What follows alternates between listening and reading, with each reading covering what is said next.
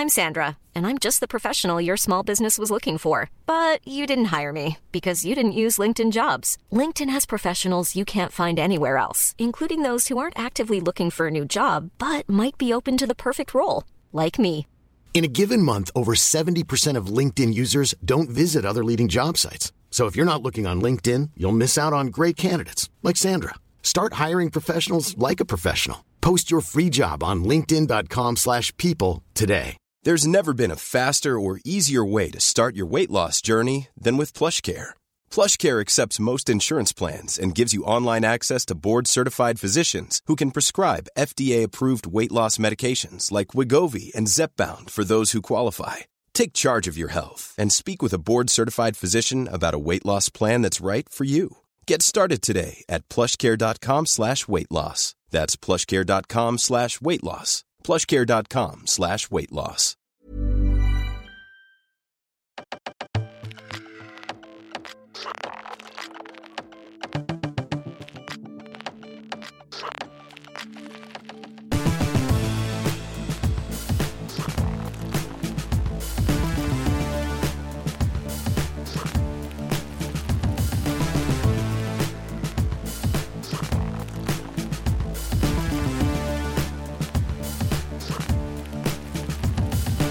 Hej allihopa! Jag hoppas att ni mår jättebra, att ni har haft en fin helg och att ni har en bra tisdag och att ni mår bra. Det är jag. Jag har ju bott här nu i kanske en vecka lite mer eh, i den här lägenheten som skolan anordnat till mig. Och jag mår så bra av att ha det rent och fräscht omkring mig. Det enda är att jag fortfarande har allt jag äger, liksom stora högar bara i och med att jag ändå ska flytta till, en annan, till ett annat rum, en annan lägenhet där det bor, bor massa trevliga tjejer.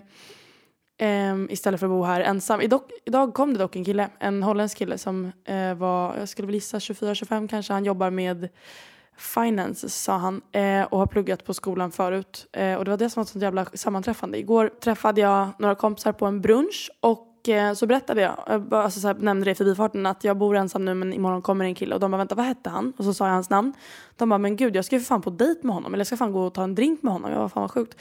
Så att han har varit här nu i min vetskap av att han ska typ gå på en dejt med min kompis. Men jag har inte sagt det till honom förrän, alltså jag har liksom pratat länge med honom tills att jag droppade att jag visste.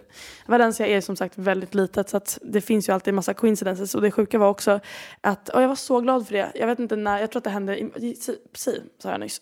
ja. Förra måndagen så hade jag varit och jobbat eh, och då bodde jag fortfarande i i hans morfars lägenhet. Så att det blev liksom att jag hängde runt ute på stan efter jobbet och liksom, ja, men, sköt på att gå hem för att jag inte ville gå hem. Och jag lagade inte mat där, där hemma heller för att ja, det var ganska läskigt. och en sån där väldigt gammal gasspis. Um, ehm, så jag gick till en mexikansk restaurang som jag aldrig har sett förut. Uh, som ligger ja, men, i närheten i Gamla stan. Kliver in där, inget mer med det. Jag beställer lite tacos och sätter mig vid min dator och svarar lite mejl. Um, pratar såklart spanska med honom för att han är, om han var puertoricansk eller om han var från Paraguay, någonting var det. Han var i alla fall sjukt trevlig och sen har jag hur, de, hur det sitter två stycken och pratar span eller engelska inne i köket. Och då är det en tjej som är i hans ålder och man känner av stämningen och dynamiken att de är liksom ett par eller de är liksom, de är någonting. Um, och hon är amerikanska. Uh, och sen går hon ut liksom i zonen där man tar betalt och där kassan är. Och eh, då säger jag i förbifarten, bara för att jag egentligen, jag vet inte ens varför, jag hade bara lust att prata, jag var lite pratsjuk. Så jag beställer en till grej med henne, en sån här charito heter det. Det är som en, en mexikansk dryck som man brukar kunna köpa på tacoställen. Jättegod för övrigt, eh, i mangosmak, tips. Um, så jag beställer den och hon är så lite lost och vet inte hur hon ska ta betalt. Jag, eller jag frågade henne om jag kunde få betala den nu för jag gillar, jag vet inte varför men jag, har, jag stör mig något otroligt på restauranger där man ska betala efter när man är själv. För att, jag vet inte, jag, jag, jag vill bara kunna få ett ryck och gå när jag vill. Jag orkar inte sitta och vänta på notan. Eh, side note. Eh, så då, jag frågade henne om jag kunde betala. Hon bara, ah, nej jag vet inte hur man gör. Jag bara, ah, whatever, det gör inget. Så hon ger mig den här läsken. Och, men det är ju för er som vet en kapsylkork på den och i en glasflaska. Så jag bad henne, jag bara, kan du öppna den? Hon bara, ah, jag vet inte. Och så letade hon jättelänge efter en kapsylöppnare så till slut så pekade jag på den för jag såg vart den låg bakom disken.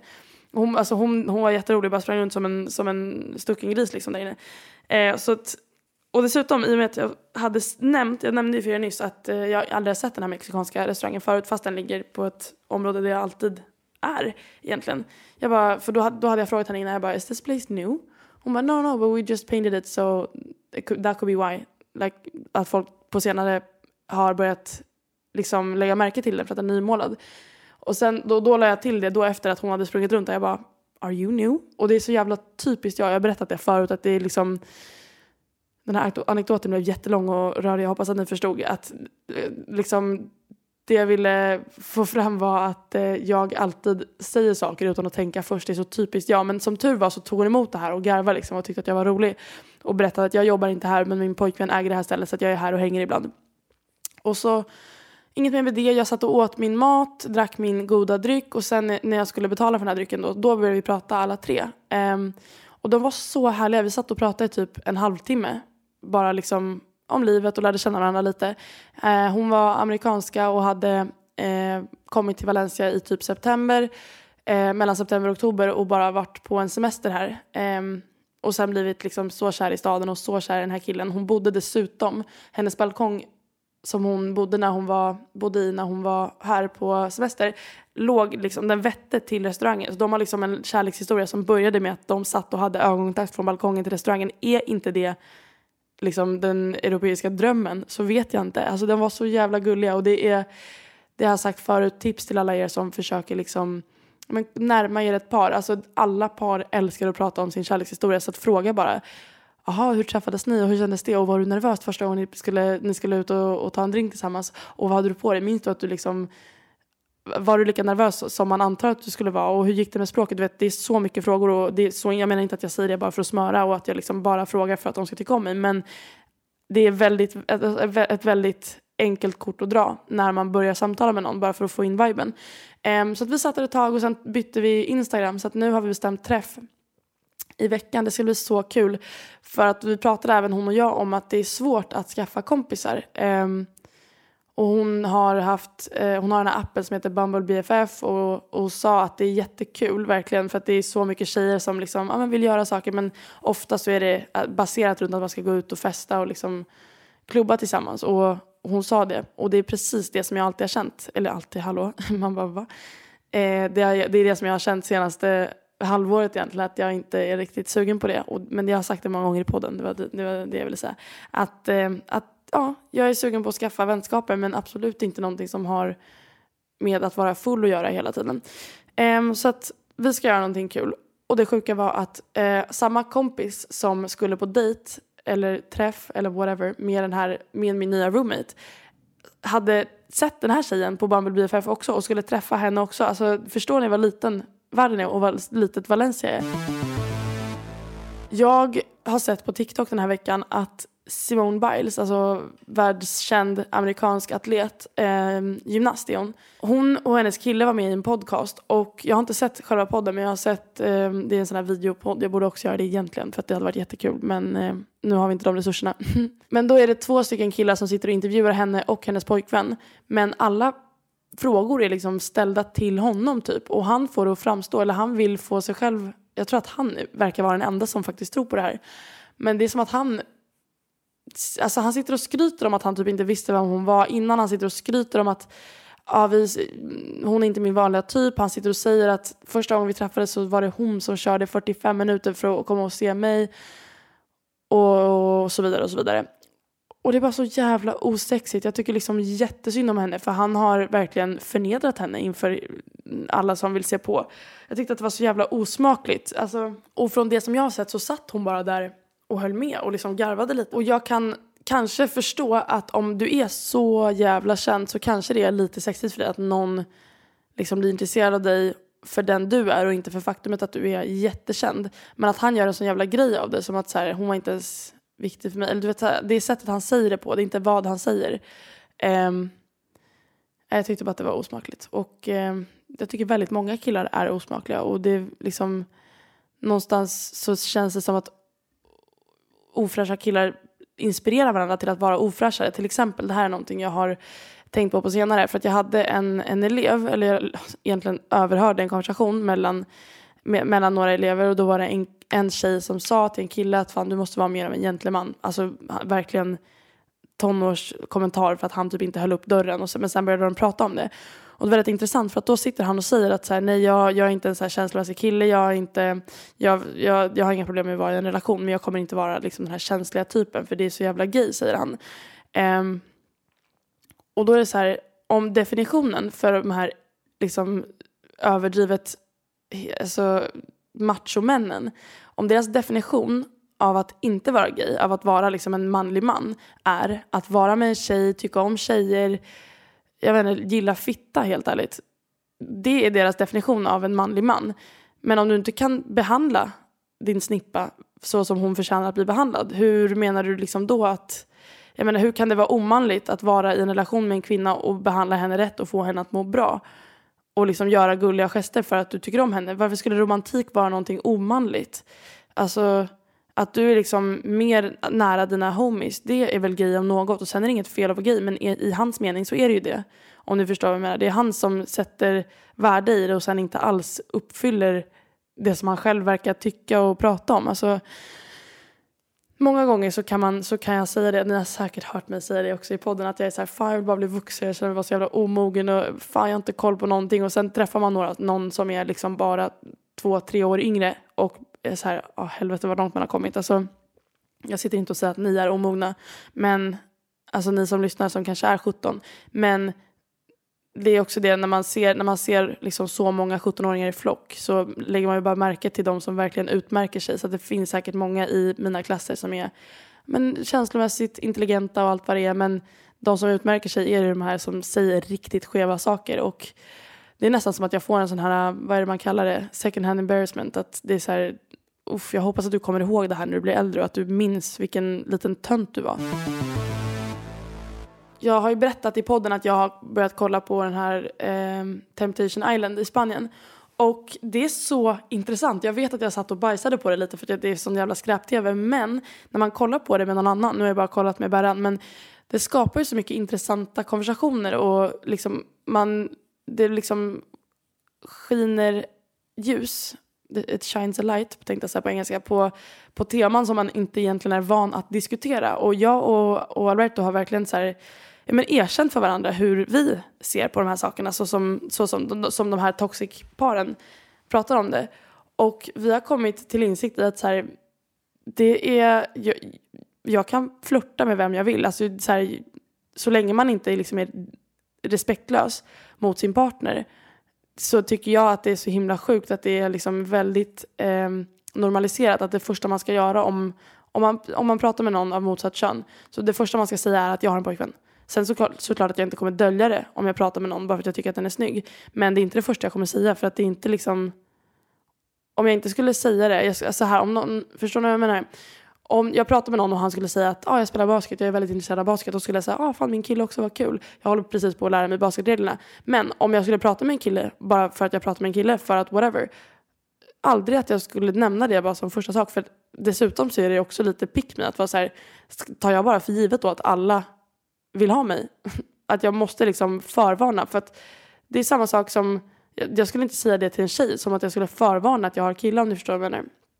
Och jag tycker inte att han ska behöva göra det heller. Jag kan tycka att det är kul att, för att, att höra att, att folk har flörtat med honom. Det är klart det kan, om, om jag vet vem det är eller om liksom om hon är överdrivet snygg så kan jag väl bli så här, vad fan. Men i de flesta fallen så tycker jag att det är kul för att liksom hade jag velat att min kille skulle leva i celibat och att ingen skulle titta på honom då hade jag behövt välja en väldigt ful kille och det vill jag inte. Så att, eh, det är kul att alla ser honom för den han är och att han är uppskattad när han går ut. Eh, men det är väldigt många par som inte riktigt har kommit till den insikten. Och då refererar jag till den här Temptation Island och till hur jag hör eleverna prata om relationer i skolan. Att så här, det som jag pratade om i en TikTok häromveckan, att så här, det är pick me att vilja ha en kille som är otrevlig mot andra och bara trevlig mot, mot dig.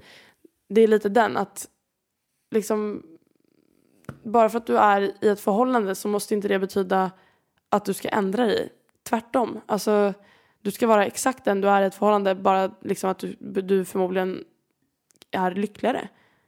Om ditt förhållande ändrar dig på något annat sätt än, att, än till det bättre, än att du är lyckligare, då är du liksom inte i antingen är du inte i rätt fas för ett förhållande eller så är du inte i det rätta förhållandet eller så alltså, jag tycker att det, folk har, det finns så mycket regler och konstig syn på förhållanden men it all comes down till att du ska vara lycklig och han ska vara lycklig och ni ska må bra med varandra.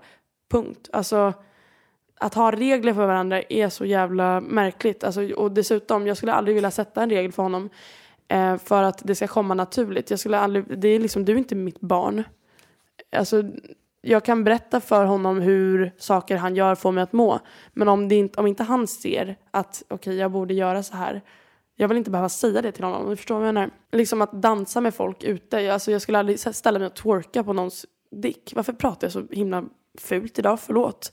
Men liksom att, att dansa och ha kul och inte liksom gå runt med en jag har pojkvän I love Alberto-tröja på sig. Det är så jävla hälsosamt. Eh, och det tycker jag att många borde ta efter. Och när jag ser den här Temptation Island så blir jag nästan lite orolig för kommande generationer för att de är så himla små som jag sa förut. Att de som tittar på det, att så här, är det här den bilden av ett förhållande du, du kommer ha?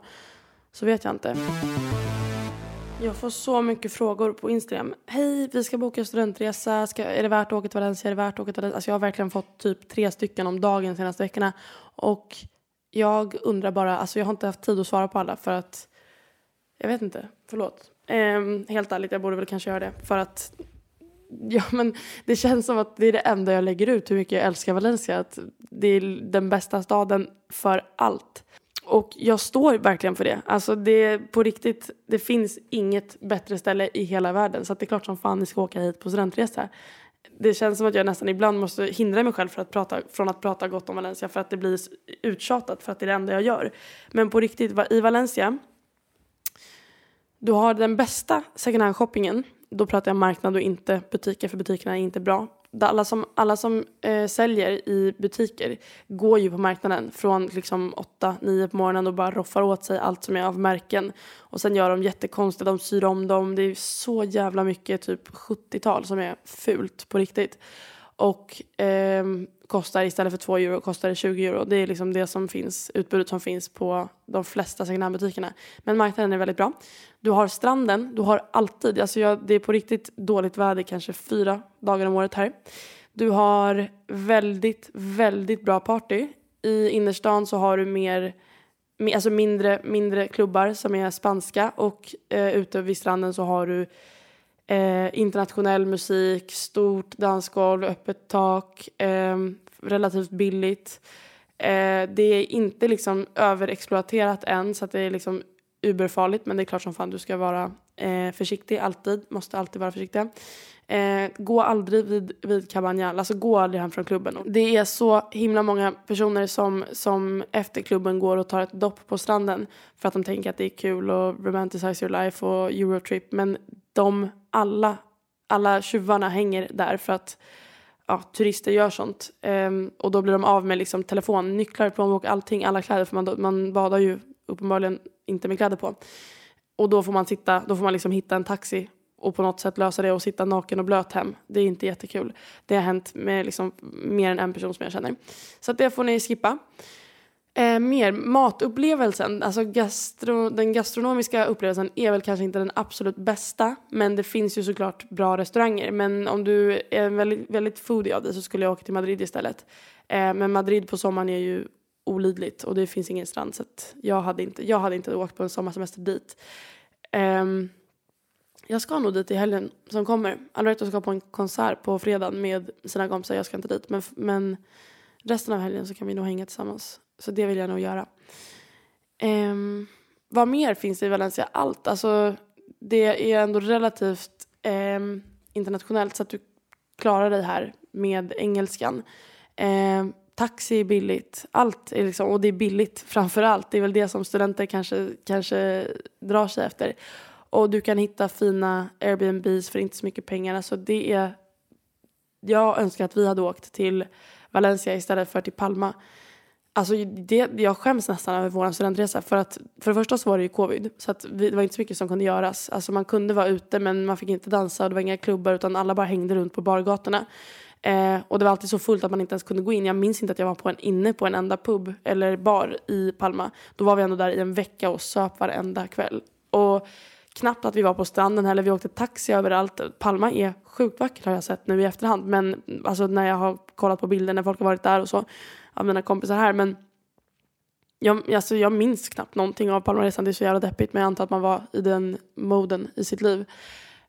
Och vi var typ 12-13 pers som hyrde en villa tillsammans och åkte. Det var skitkul, antar jag. Men, och det var alltid efterfest i vårt hus och grannarna var alltid arga och det var liksom stökigt, det var väl det som var planen. Men usch vad okulturell man har varit. Min mamma när vi var, åkte på resor när man var yngre så, för, i och med att jag har två stycken bröder som är väldigt mycket av sig så kunde min mamma varannat, var tredje år treata mig med en lite, ja men en tjejresa bara hon och jag. Så vi har åkt till Barcelona, vi har åkt till London, vi har åkt till Lugo, en annan spansk stad.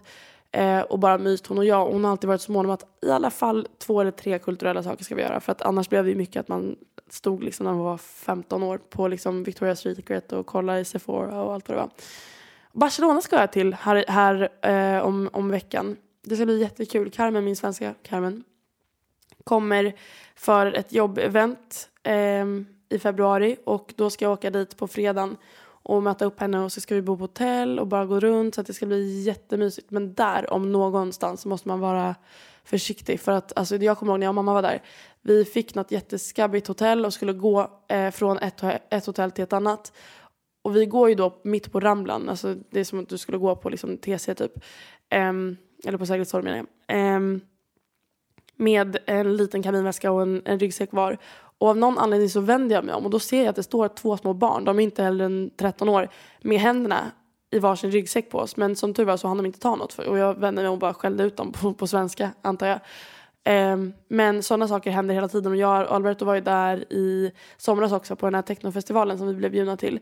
Och när vi gick ut på kvällen, eh, sista dagen, bara och strosa i stan, så Alltså jag tror jag såg tre personer bli rånade på sin telefon. De åker förbi på Voice, alltså flera stycken, två i alla fall, på, på varje Voi och sliter telefoner ur händerna på folk när de använder dem.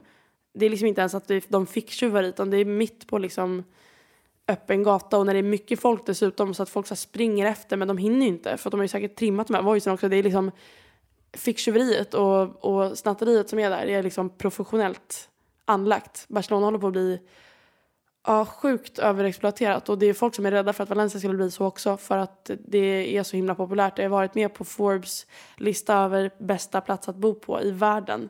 Jag tror att de vann vi vann, är jag inkluderad nu? eh, år 2022 och 2023, eller om det var 21 och 22. Väldigt kul att den får, alltså att Valencia får det, det One size fits all, seemed like a good idea for clothes. Nice dress. Uh, it's a it's a t-shirt. Until you tried it on. Same goes for your healthcare. That's why United Healthcare offers a variety of flexible, budget friendly coverage for medical, vision, dental, and more. So, whether you're between jobs, coming off a parent's plan, or even missed open enrollment, you can find the plan that fits you best. Find out more about United Healthcare coverage at uh1.com. That's uh1.com. There's never been a faster or easier way to start your weight loss journey than with PlushCare PlushCare accepts most insurance plans and gives you online access to board-certified physicians who can prescribe FDA-approved weight loss medications like Wigovi and Zepbound for those who qualify. Take charge of your health and speak with a board-certified physician about a weight loss plan that's right for you. Get started today at plushcare.com slash weight loss. That's plushcare.com slash weight loss. plushcare.com slash weight loss. uppmärksamheten som det verkligen förtjänar. Men det är tråkigt om det skulle bli så här. Jag har en kompis som, som dejtar en, en kille som bor här och han har bott här, han är italienare, han har bott här i, jag vet inte, fyra, fem år kanske. Och han sa det att efter covid så har priserna gått upp så jävla mycket. Han bor i en etta som kostade honom kanske 600 i månaden. Och nu, den lägenheten, hade den kommit ut på idealistan nu så hade den kostat säkert tusen euro. Bara för att folk har fått upp ögonen för det. Så det är en bakdel. Och det här håller man ju på att bidra nu när jag sitter och säljer in Valencia i tio minuter. Men det är, så, det, alltså det är på riktigt den bästa staden. Jag tror att alla ni måste komma. Och dessutom kör ju Ryanair sina direktflyg på somrarna. Så att, eh, kom hit. I, här, I fredags, idag är det söndag. Har jag ens sagt det? Hej, det är söndag. Varmt välkomna till min podcast. Tack för att ni lyssnar. Jag älskar er. Puss. Eh, så var vi hemma hos Carmen och Alberto, min, våra kompisar. Vi som brukar umgås i par, ni vet. Jag, Alberto, Carmen och hennes Alberto och sen eh, de andra två. Jag har typ snackat skit om en av dem så jag vill inte nämna namn ifall att någon är störd i huvudet och kommer söka upp men whatever. Då är vi tre par som sitter och umgås, vi har liksom pizzakväll, sitter och spelar kort.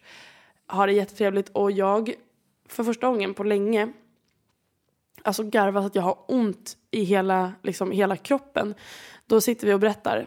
Kan man berätta det här i sin podd? Jag antar att man kan det för jag antar att det här är min podd och jag antar att ni inte lyssnar på mig om inte ni redan tycker om mig. Så jag kan erkänna att häromdagen så kissade jag på mig. Alltså inte helt, utan jag stod i och väntade på hissen och sen när jag stod i hissen så vet, jag, sitter, jag står och liksom håller för och är så jävla kissnödig, jag håller på att dö. Um, jag vet inte varför jag var så himla kissnödig. Man brukar väl gå på toa om man känner att den kommer, men jag vet inte vad jag höll på med.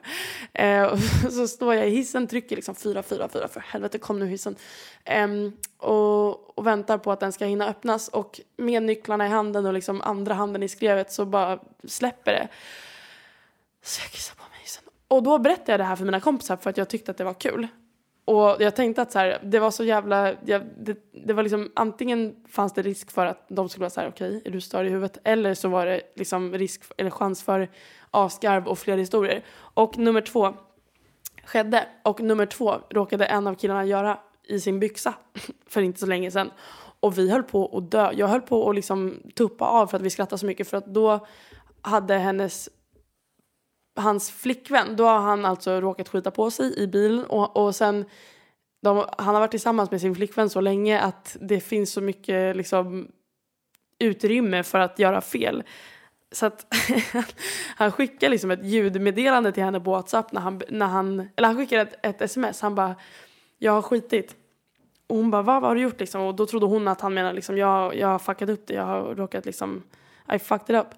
Um, så hon fattar liksom inte. Så hon bara, varför det? Han bara, ja för att jag var bajsnödig. Och hon bara, va? Vad menar du? Och så behövde han skicka en ljudaudio och så, skick, och så spelade han upp det.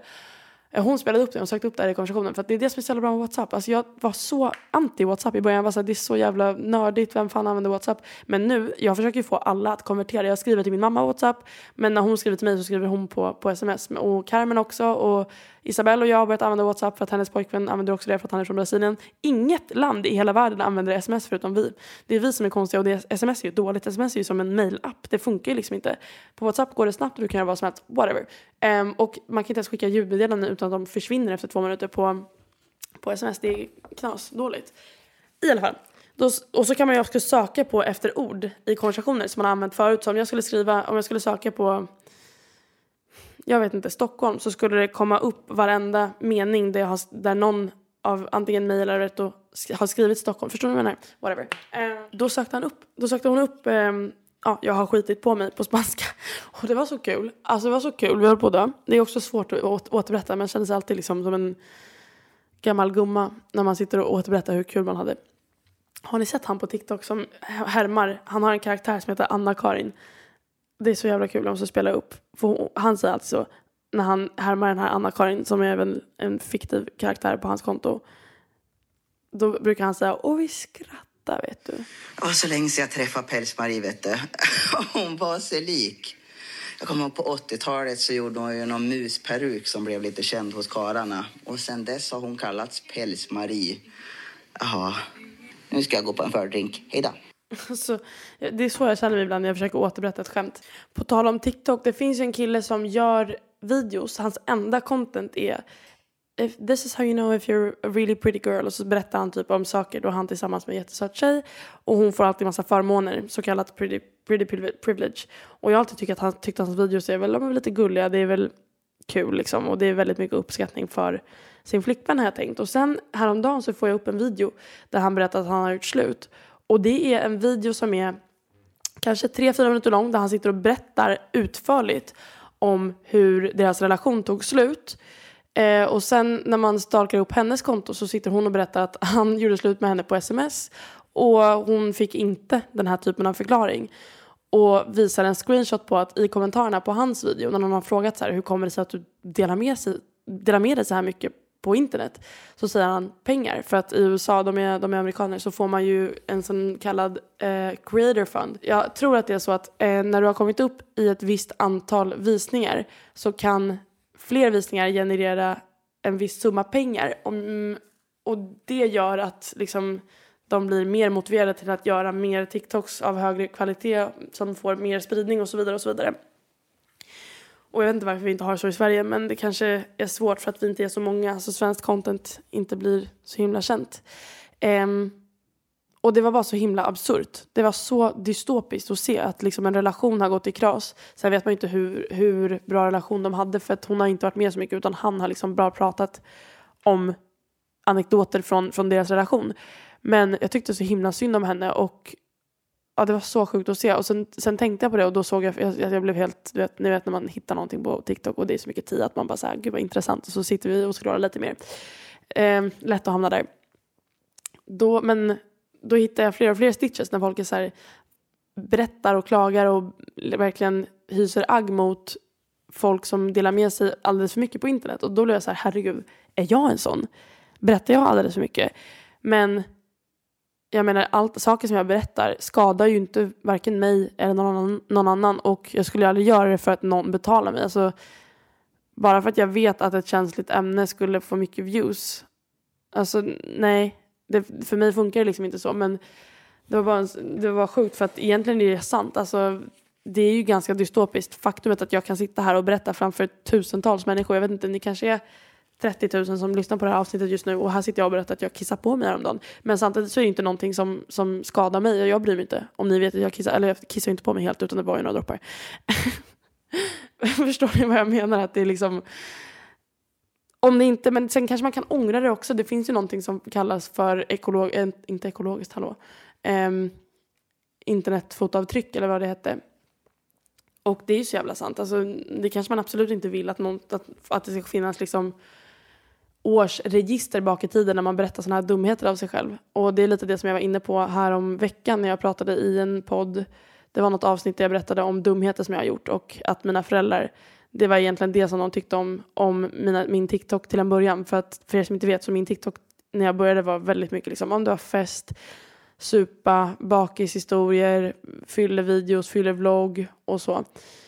Och det som de mest blev oroade för var liksom min image som jag satte på mig själv och inte liksom, eller det är väl kanske egentligen det som alla föräldrar är oroliga för, men det var liksom inte det här vanliga att gud vad ska hända med min dotter, tänk om det kommer någon pedofil och kidnappar henne, utan det är så här vad fan är det hon lägger ut?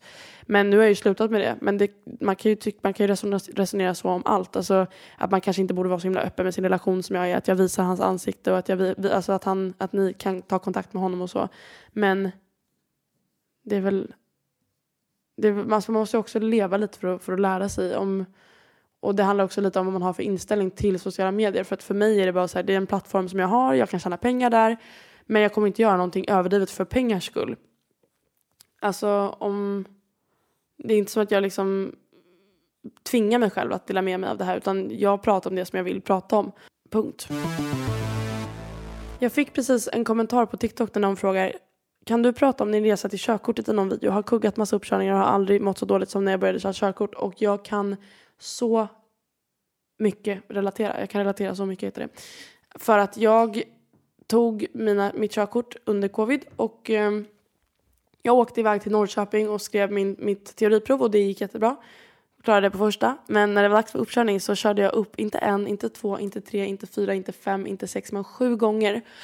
Och i och med bristen på tider eh, så fick man liksom åka land och rike. Jag och mamma har åkt över hela Sverige för att ta de här körkortsproven. Och då kan ni tänka er hur det känns att köra hem från liksom, ja, vart var man? Västerås, eh, Gävle, whatever, jag minns inte ens. Enköping, Norrköping, alltså hela tiden, varenda vecka. Det var liksom vecka efter vecka och så var det bara fel hela tiden. Och så var det väldigt mycket pengar också. Sen fick mina föräldrar, hör ni polisen, förlåt, de slutar snart. Um, de fick mig aldrig att må dåligt över pengarna men jag mådde ju dåligt i sig över att jag, liksom, jag kände mig sjukt dålig. Och en dum sak som jag gjorde i allt det här var ju att lägga ut på TikTok och så här, fan nu har jag kuggat uppkörningen, vi firar med en skål typ. Och så gjorde jag liksom som ett skämt av mig själv och bjöd in andra att också ja, men driva med mig. Och det var så himla, det var så himla jobbigt för mig och jag vill tro att jag inte var en dålig förare utan de störde sig på att jag inte var nervös för jag hade kört bil varje dag i två år innan det. Eh, övningskört till skolan med mamma till och från varje dag. Eh, så jag kunde köra utan det var liksom faktum att jag inte var så himla nervös. Eh, som var mitt stora misstag. Eh, och jag vet inte vad jag ska säga. Tipset är väl bara att inte ge upp. Alltså det det är det sämsta du kan göra, att ge upp. Och även om folk säger åt dig att du bör ge upp och kanske prova igen om något år. Gör inte det utan fortsätt tills du klarar det för att det är klart du kommer klara det någon gång. Alltså du kommer inte sitta utan körkort men det suger just nu. Jag fattar verkligen det. Och jag vet inte vad jag hade gjort om vi hade varit i en, i en situation där vi inte hade kunnat betala för det. Då hade jag nog, till slut tog jag ju körkortskurser också. Och det hjälpte mig inte till att bli en bättre förare utan det hjälpte mig bara i hur jag skulle agera på själva uppkörningen. Och det var väl bra i sig men det är sjukt mycket pengar. Det är också väldigt stört hur mycket pengar det kostar, hur mycket liksom just det här med att få vara i trafiken. Jag fattar att det är en viktig grej men det finns så många andra delar i samhället där vi egentligen skulle behöva en redig jävla kurs och ett stort svårt prov. Men det svåraste man kan liksom göra är att ta körkort men liksom det är helt rimligt att bli förälder, skaffa ett djur, vad som helst. Det är till exempel han som, lilla stackaren som blev biten av en hund här i veckan. Och nu är det debatt om man ska avliva hunden. Och folk är så här, man borde inte avliva hunden, det, det är ägarens fel. Ja, men liksom allting illa har redan skett. Och vi hade kunnat preventa det här med att utbilda vårt folk bättre. Det är där problemet ligger till en början, att det, hur lätt det är att bara skaffa sig saker som man inte har någon aning om. Och på tal om det här med körkort, att man inte ska låta någon bestämma över en. Alltså, det säger jag ju alltid, det känns som att alla säger det alltid, men bara för att sätta lite perspektiv på det. För mig har det varit viktigt på senaste att inte bara sitta och ge massa tomma tips utan liksom applicera det lite på kanske mitt eget liv och, eller på era liv när ni skickar in frågor för att ni ska förstå principen bättre. Um, för det är så lätt för, för mig att sitta och säga att jämför inte med andra. Eh, och så, ja, det går väl in i ett öra och ut genom det andra för er för att ni är så vana vid att höra det. Det som ni faktiskt behöver är ett exempel. Och det som jag ville eh, ta upp idag är att inte lyssna på andras tips. Och tips säger jag med kaninöron gjorda av mina fingrar för att vad andra tycker är bäst för dig. Det, alltså, jag vet att det kan kännas som att din mamma vet bäst eller din stora syster som har gått igenom fyra år som är fyra år äldre än vad du är. Det är klart hon kommer veta bättre om livet för att hon har levt livet och så. Men det är inte ditt liv hon lever och det är inte dina känslor som hon känner. Det måste, man måste skilja på eh, råd och liksom måsten. För att till exempel, det, finns säkert, det fanns säkert folk som tyckte att det inte var en bra idé att jag flyttade till Spanien. För att det skulle bara bli jobbigt och krångligt och du borde plugga här när du ändå har chansen och det är billigt och så. Mm. Men å andra sidan, hade jag inte gjort det så hade jag inte liksom kommit så långt jag, jag, jag har gjort i min personliga utveckling, i mina sociala medier, i mina jobb, i mitt språk. Jag hade inte träffat de här fantastiska människorna som jag har och värderar så högt i mitt liv just nu. Och Andra kanske hade sagt att jag hade inte, hade jag varit du så hade jag inte satsat på att bli tillsammans med Loretto för att det kommer bara komma med massa svårigheter av språket och sen i framtiden när ni skaffar barn, var ska ni bo, hur ska ni ha det och du kommer aldrig känna dig hemma där och så vidare och så vidare. Det finns ju jättemycket saker som man inte borde göra rent tekniskt sett av logistiken. Men sen är det ju inte de människorna som ger dig tips som ska leva ditt liv och känna dina känslor och, och i så fall alltid gå runt och undra vad hade hänt om jag gjorde så alltid bättre att prova. Livet går ut på att känna saker. Du ska alltid liksom följa din egen magkänsla. Alltså, gör alltid saker som, som, som, som du är intresserad av. Och, och om det av någon anledning skulle gå åt helvete, då vet du det. Det är väl jättebra. Då har du kommit fram till att ja, det här var inte rätt, men då är du ett steg närmare till att hitta rätt. Man kan inte liksom, och det kan jag också ibland behöva höra, för att jag kan inte sitta och ge massa tips till andra människor. Um, i relationer eller vad de ska göra med sina föräldrar eller hur de ska hantera en situation för att jag är inte dem. Det är liksom, och jag förstår att det, det är skittråkigt eh, för att det här speglar av sig kanske när jag läser upp problem och ska försöka svara på dem. Det handlar ju alltid om vad, som, vad du känner och liksom, situationen är alltid djupare än att bara en, en, att det ska vara möjligt att skriva ner den på ett DM som är liksom några meningar långt. Och man vet alltid egentligen innerst inne vad som är rätt för en. Och vet man inte det så, så måste man ju prova någonting. Man, det, du kommer inte utvecklas av att bara sitta och göra samma sak hela tiden. Du måste ju prova och ta risker. Um, fler saker som, kanske, som folk inte hade rekommenderat att göra men som, som jag ändå har gjort och som, som, som det har blivit väldigt bra av um, är att ja, men kanske vissa vänskaper som jag haft tidigare. Att folk, då hade folk utifrån kanske kunnat säga att det där, hon är inte bra för dig eller han kommer inte vara snäll mot dig och du kommer inte må bra i det här umgänget. Men, och de hade rätt. Och det spelar ingen roll vem som har rätt utan det handlar bara om att man måste uppleva saker för att, för att veta. Jag tycker att det är väldigt ofta som man hör att folk ber om råd om saker som de egentligen borde lösa på egen hand. Och jag menar inte att det är fel att be om råd. Jag ber om råd hela tiden. Eh, men om du själv vet vad du vill så be inte om råd bara för bekräftelsens skull. Bara för att någon ska kunna säga att det här är bra, gör så, det blir jättebra. Okej, jag tillåter dig till det här. För att du kommer inte känna dig lycklig. I slutändan så måste du känna att du har levt ditt eget liv och känna att du är både ansvarig men också att tacka för det som går. Hur det går i ditt liv, om ni förstår vad jag menar. Också en jättetråkig nyhet. Um, eller jättetråkig, det är inte heller. Alltså, det är inte hela världen. Men det är synd för att jag sökte det här, den här och jag kom in på den här psykologutbildningen. Men det visade sig nu att det fanns så mycket kurslitteratur och det var så mycket att, att läsa. Och jag har ju inte tillgång till allting här. Och by the time den, det hade kunnat komma från Sverige och allt det hade kostat att köpa och frakta och ha sig så hade jag redan varit så pass bak i eller alltså efter i allt så att det hade liksom blivit väldigt stressfullt. Jag har ju redan ett, jag menar ett, ett jobb som i och för sig inte är heltid men jag, eller jag har ju två jobb redan. Så att ja, det blev svårt. Men jag hoppas verkligen på jag ska berätta mer om den här utbildningen när jag väl har sökt. För jag vill inte, jag vill inte att fler ska söka den. Jag vill inte ha konkurrens. Men eh, jag ska söka en utbildning i februari och jag kommer få svar på om jag kommer in på den eller inte runt midsommar. Och kommer jag inte in på den då kommer jag slänga mig på golvet och skrika som om jag vore tre år i en mataffär med blodsockerfall för att jag vet inte.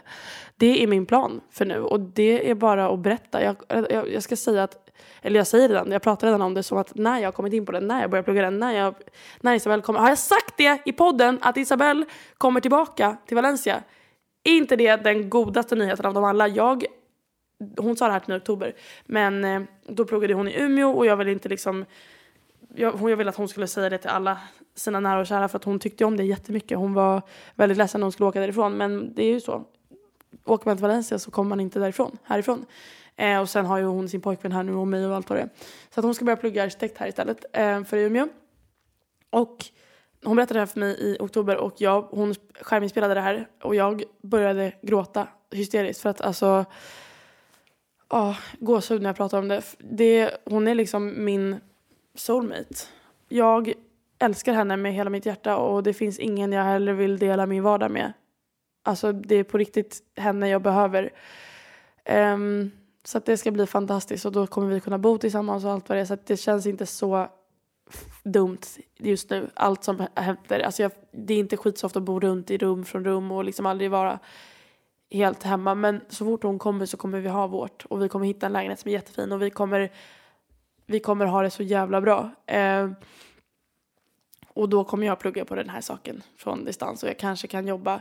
Har jag berättat det att vi har en ny lärarvikarie? Eller det är en tjej som gör sitt eh, eh, examensarbete som, eh, som oral English teacher. För 20 år sedan så jobbade hon så som jag jobbar nu. Och sen har hon kommit tillbaka efter att ha jobbat många år på andra ställen. Och nu har hon pluggat till, till lärare och ska göra sitt sista innan hon får börja jobba. Hon är amerikan, typ 39 år gammal, så himla trevlig och härlig. Tycker verkligen mycket om att prata med henne. Hon berättade att eh, det finns så mycket um, jobb att ta som alltså bara one-on-one English teacher. Att man kan sätta sig liksom på ett café med vem som helst och bara få betalt i timmen. Så om jag av någon anledning skulle behöva lite extra knäck när jag börjar plugga så är det verkligen också en, en möjlighet. Um, så det kan jag göra. Eller om jag jobbar kvar på skolan. Vi får se. Allting som händer just nu i mitt liv är jag väldigt nöjd och tacksam över. Och allting jag ser hur allting bara faller på plats sakta men säkert. Och det är väldigt kul. Um, imorgon är det en ledig dag det är röd dag. Av någon anledning i Valencia, man vet aldrig varför men det är en röd dag och det är jag tacksam för. Så att nu är klockan 18.34 och jag ska ge mig iväg till Carmen. Min spanska Carmen, hon har ju precis, det var det vi gjorde sa jag det, att, hon hade, att vi hade lite inflyttningsmiddag där häromdagen när vi satt och pratade om bajs och kiss. för att vi är så himla vuxna. Eh, så hon ska ha det, hon har två stycken tjejkompisar som jag aldrig har träffat så jag ska träffa dem, det ska bli jättekul. Så nu måste jag springa härifrån och ta en metro. Jag älskar er, puss, ha en underbar dag en underbar vecka, ett underbart liv. Jag älskar er. Skriv om det är något. Glöm inte att ni är bäst. Glöm inte att ni förtjänar kärlek och lycka. Puss.